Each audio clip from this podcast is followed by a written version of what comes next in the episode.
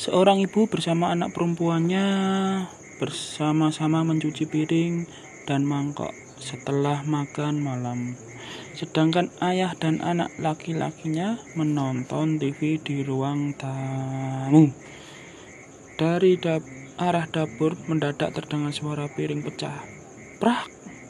Kemudian kembali sunyi. Pasti ini ibu yang memecahkan piring itu, kata anak laki-laki sambil memandang wajah ayahnya. Bagaimana kamu tuh? Kata sayang, kata sang ayah penasaran. Karena tidak terdengar suara ibu memarahi orang lain, jawab sang anak.